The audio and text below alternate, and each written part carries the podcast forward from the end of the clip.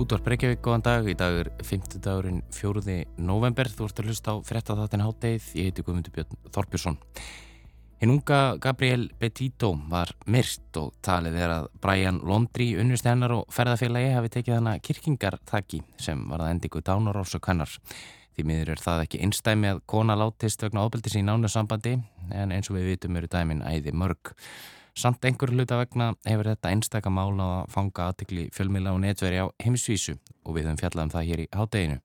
Almenningur hefur fundið sig knúin til að taka þátt í rannsókn málsins í netheimum og samfélagsmiðlum og svo þáttaka aðtugula samfélagsmiðla nótenda leiti til dæmis að líkennar fannst að endingu. En hvað er það einmitt við þetta mál sem kallaði svo aðtikli fjölmila og samfélagsmiðla nótenda og hjælt henni og þeim við efnið? Við spyrjum Margreti Valdimarsdóttur, doktor í afbrótafræði og dósend í lauruglufræðum við Háskólan og Akureyri, nánar út í það í síðari hluta þáttarins.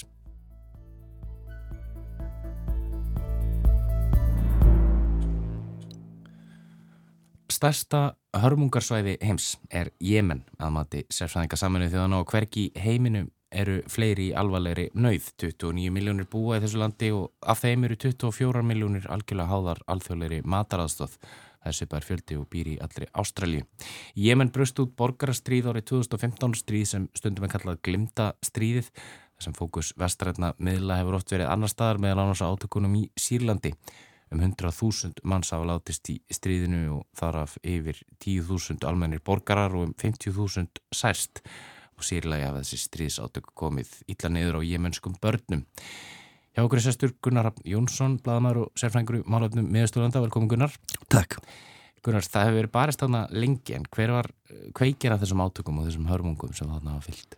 Já, það er rétt. Þetta er orðin 6-7 ár og þetta er verið kallað glemta stríðið eins og segir að því að þarna í raun og veru hefur aðtikli heimsins hefur ekki, ekki beinst að þessu frá því að uh, þar hundið þarna ríkistjóttun uh, sem að hafi verið sett upp til bráðabyrða, það hafi verið mik mikil mótmæli eftir arabíska vorið sem að fólk mann kannski eftir að var svona rauð mótmæla í gegnum arabaheimin og muslimaheimin og uh, það leiti til þess að uh, araparíkin í kring, sáti Arabi og fleiri, reynda miðla málum og komi á nýri stjórn sem að reyndist síðan í raun að veru vera leppstjórn fyrir hagsmunni sáta og þeirra uh, yfirvalda sem voru að fara frá.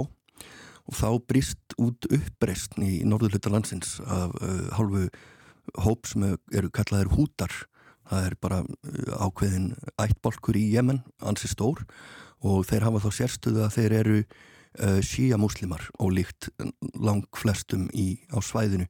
Sátt-Araber eru harfir sunni múslimar og flestir í Jemen líka og, og, og líta á síamúslima sem villtrúar menn þannig að það sem gerist eftir að, að uppreist þessara húta byrjar er að Sáti Arabar byrja að láta rigna sprengjum hérna yfir með digri aðstóð annara Arabaríkja, Egipta og Jordana og fleiri samanuð arabísku fyrstadamana og það hefur raun og verið skapað mest af þessum hörmungum sem við sjáum í dag og, og þess að nefndir þessa tölu, það eru 24 miljónir sem eiga ekki mat í landinu. Það er eins og ef allir ástralir væru við hungusneið á sama tíma og samt einhvern veginn heyri maður aldrei um þetta. Þannig að uh, það sem hefur gerst á síðustu árum er bara einhvern veginn að þetta hefur fallið í á milli stafs og hörðan einhvern veginn í, í umræðinni í alþjóðarsamfélaginu og saminuð þjóðurnar eru búin að vera að reyna að vekja aðtikli á því nýlega að, að þarna verður að fara að gera eitthvað mjög stort annars fer mannfallið að verða bara óhugnalegra en það er nú þegar mm -hmm. Þetta var nú eitt, eitt fyrsta verk uh, Muhammed bin Salman þegar hann var gerður að ja, vartamálar á þeirra Sáti Arabíu með minnir sem nú er krónprins og valdamestir maður Sáti Arabíu já, að, að ráðast hann inn í, í Jemen. Eh, hvers vegna gerir hann það og, og, og hversu mikla ábyrg berar sátar og bandamenn þeirra á, á þessu ástandi og, og aðrar þjóður yfir líka? Já, þetta er rétt, þetta er verið svolítið hans enga stríð. Hann, hann setur þetta á stað á sínum tíma og hefur verið mjög þrjóskur við að reyna að draga eitthvað í land með það því að þetta hefur gengið illa í aðeim. Hútar hafa komið mjög óvart þeir hafa voru álitnir bara sveitamenn með, með einhverja haka og skoplur en reyndust vera ákvæmlega velvapnum búnir og, og það er talið að þeir hafi notið einhvers stuðning frá Íran þótt að sátar hafi reyndar öruglega ykt þann stuðninga því að þeir eru uh, með hortni síðu Írana sem svona hinn valdablokkin í með Östurlundum, það eru annars vegar Íranar og hins vegar Sátar sem er svona keppast um að hafa áhrif á grannríki sín og vera svona með, þunga meðjan í með Östurlundum og átökinni Jemen er raun og veru hluti af því þrátt fyrir að, að, að eins og ég segi Sátar hafi kannski lagt meiri áherslu og þálið heldur en hútarnir sjálfur sem að vilja meina að þeir séu einir og óstuttir og fá í mestalagi einhver, einhver smá vopn. Eh, við töluðum með þessum það hérna á hana, þetta væri svona já, glimta stríðið og, og, og ástandið þarna í Jemen uh, sé sagt, já, saminuð þarna segja bara að hverki sé ástandið í heiminum verra heldur en okkur þar núna mm. uh, og þetta fær ekki mikla aðtegli. Hvernig svona heldur að standi á því? Það hlýtur að vera í raun að veru einhver samblanda af hagsmunum náttúrulega þeirra ríkja sem eru að ráðast hann inn.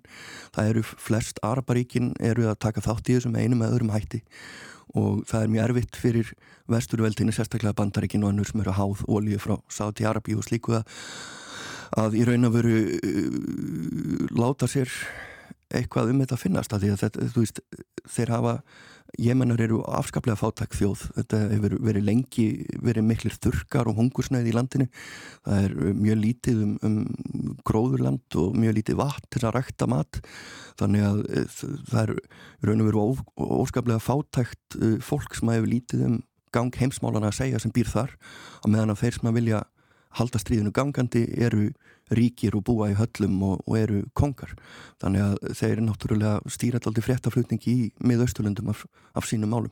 Og svo kannski líka þetta, þetta klassiska með að sko, fjölmilar á vesturlundum ég séu kannski alltaf með fókusin á einhverju einu, þetta er náttúrulega brjótast að núta sama tíma á stríði í Sírlandi og flóttamannavandin í Európa er í hámæli Algjörlega. og það kannski tekur bara eiginlega alltaf aðdeklina. Já, og hefur dreyist mjög lengi og er kannski aldrei flókið líka því að það er, það er svo flóknir hagsmunir þarna, það er, menn hafa gengið uh, hvoraðurum á hönd, þeir hafa skipt um lið uh, þannig að uh, það er mjög erfitt að, að, að flytja fréttir á sig sérstaklega eins og ég segi með alltaf hagsmunir sem eru annars megin í, í barátunni það eru í raun og veru yfirgnæfandi hagsmunir sem uh, eru fylgjandi stríðinu og óbóstlega valdamikil og, og, og ríkir einstaklingar sem þar eru. Aðeins í lokingunar, uh, hvað er svona uh, nýjasta nýtt?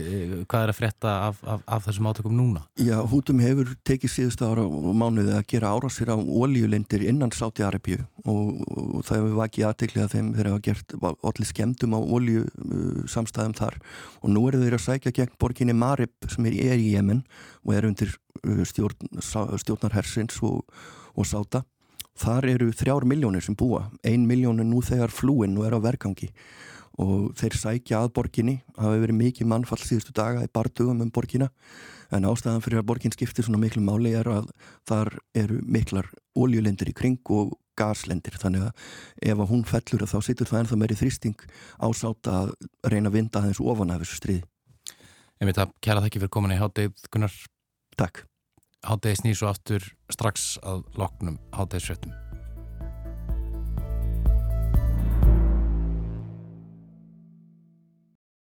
Talið er að Brian Londri, unnusteinar ungu bandarísku Gabriel Petito, beri ábyrð á andláti hennar að hann hafi beitt hana því kirkingartaki sem leti til dauða hennar. Það er að segja að Petito hafi verið einn þeirra fjölmörgu kvenna sem hafa mist lífið vegna ofbeldis í nánu sambandi. Við vitum að dæmin eru æði mörg En samt einhvern veginn hefur þetta mál staðið upp úr, þannig að orðið komast. Það er að segja, fengið gífurlega umfjöllun í heimspressunni, fangað aðtikli netverja og heldekið notendur samfélagsmiðla. Hvað útskýrir það? Hvers vegna var þetta einstaka mál fyrir valinu innan gesalappa? Hvers vegna fá sum mál að er verðist óendanlega umfjöllun og pláss í samfélagsumræðinni en önnur sem kannski verðast sambærilega flestuleiti ekki?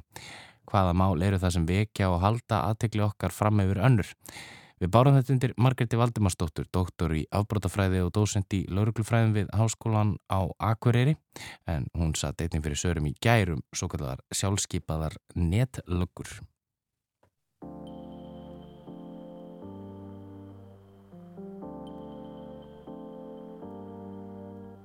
Fræðimenn hafa verið að taka þetta sérstaklega saman og, og, og hérna, bent lengi á það að ef að fórnalambið, ef að þólandin er ung, falleg, hvít kona. Og ég tala nú ekki um ef hún er grönn líka, að það sé svona, það mál muni vekja mun meiri aðtikli heldur en eh, ef að þólandin er einhver annar.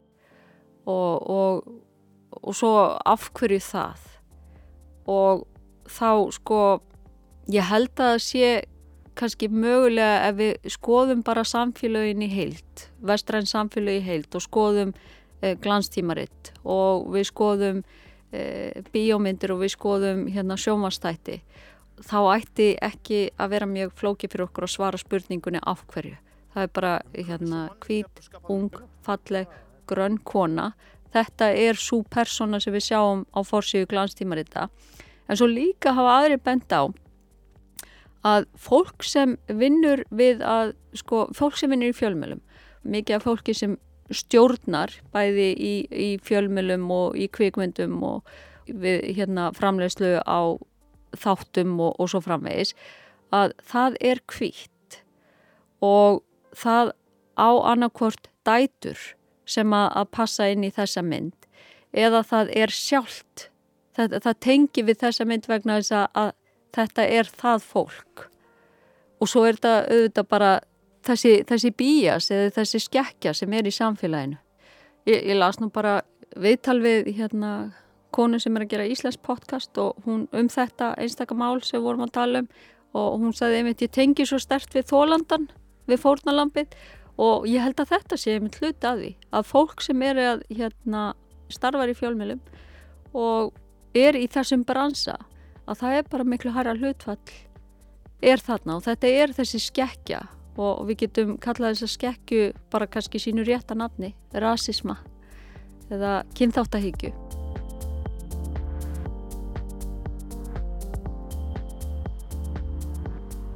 Þarna kannski í þessum tiltekna málaflokki sjáum við eina byrtingamind afleðinga af enn stærra samfélagsvandamáli. Meini sem nærin á öll svið, hvort sem við kannski tökum eftir því eður ei, þegar það fær að grassera ó á reitt. Þegar högvið er á litlu trjágreinarnar en ekki fengist við síkta rót trésins.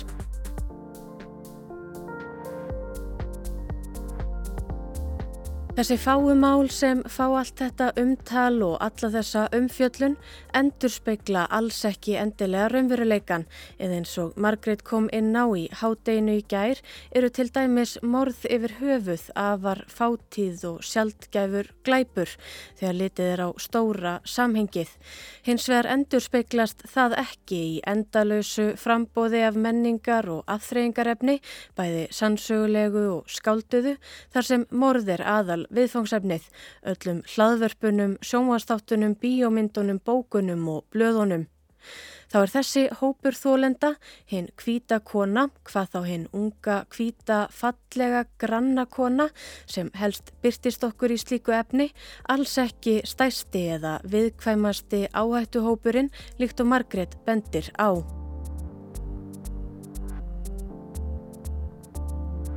Sko, hugsun bara svona hver er hérna algengustu skoðar hópa þá eru konur sem eru ekki kvítar í þessum svo í bandarísku eða bresku eða e, þessum vestrænu ríkjum í kringum okkur þá eru það einmitt konuna sem eru ekki kvítar þær eru hlutvalslega fleiri sem eru hérna myrtar heimilislausar konur um, samkynneðar konur transkonur hlutvalslega eru hvítar, ungar, konur fæstar af þeim sem eru myrtar sko.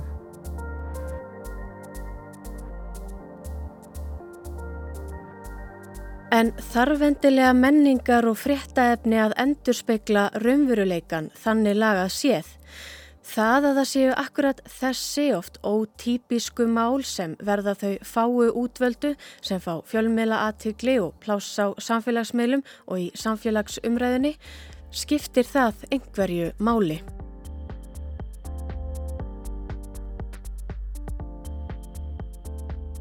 Þessi mál eru líklegri til að leysast þegar fór, fórnalambi passar inn í þessa staðalmynd og aðstandendur annara fórnalampa auðvitað upplifa ákveði óréttlæti sem það er auðvitað, það er það í sjálfu sér og þetta svona viðheldur þessari kynþáttamiðu skekju.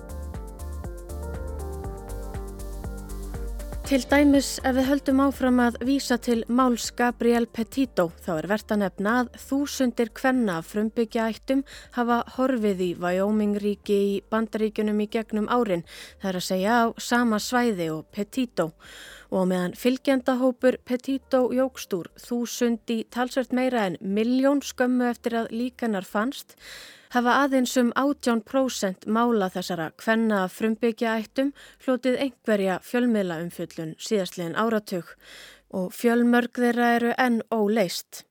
En leitin að Petito var umfangsmikil og mikið um hann að fjallað og maður fagnar því eða finnst kannski um þetta það ætti að vera meginreglan heldur en hitt. En vegfarendur og aðrir sem hafðu sótt leitarsvæði voru því sérstaklega varir um sig og einmitt líkt og áðursæði barða árangur og varðloks til þess að lík Gabi fannst. En það fundust líka lík eða líkamsleifar nýju annara við leitina. Nýju annara sem hafði mitt verið saknað en aldrei fundist, annara sem kannski var ekki fjallað um eða þeirra leitað með sambærilegum hætti.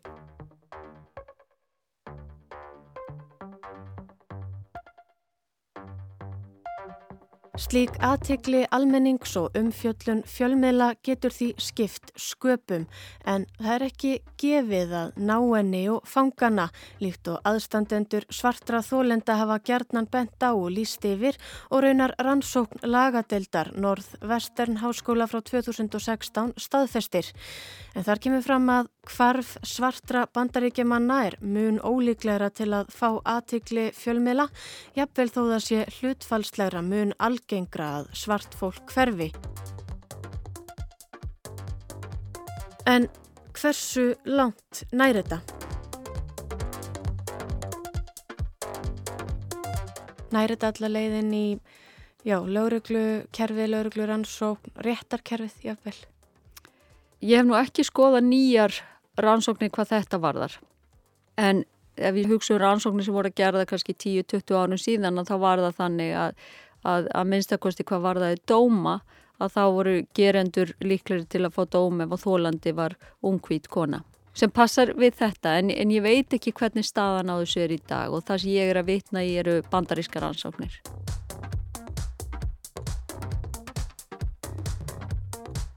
Hér má kannski líka nefna það að samkvæmt bandarískum rannsóknum er líklega að gerandi fái lengri eða harðari refsingu fyrir alvarlegan glæp ef þólandi var hvít kona eða kona af öðrum kynþætti þrátt fyrir að talsvert fleiri þólendur tilheri síðari hópnum. Það er talsvert líklega að morðingi hljóti dauðarefsingu ef þólandi var hvítur en til dæmis er um 75% fórnalampa þeirra sem dæmdir hafa verið til dauða á síðustu árum hvít þrátt fyrir að hlutfalslega sé um það beljaf líklegt að fórnalamp morðs sé svart eða hvít. Raunveruleikin eða tölfræðin endur speiklast því heldur ekki í refsi og réttarkerfinu í raun og Margrét bendir á aðra slíka skekju. Og líka talandum að vorst að tala um lengd refsinga og það hefur oft verið svona talað um það að konur fá vægari refsingar heldur en karlar.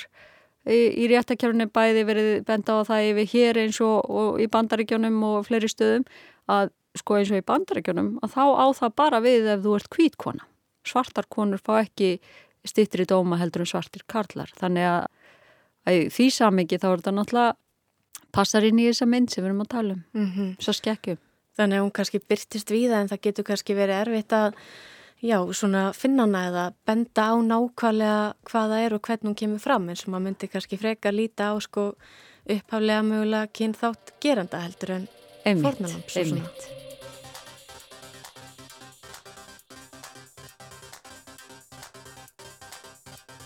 Er þetta ganga svo langt að segja að sko samfélagslega séu uh, mismunandi líf metin á mismunandi hátt? Ég held að það sé algjörlega rétt og, og, hérna, og þetta sýnir í, í þessu málaflokki bara eins og í svo mörgum öðrum.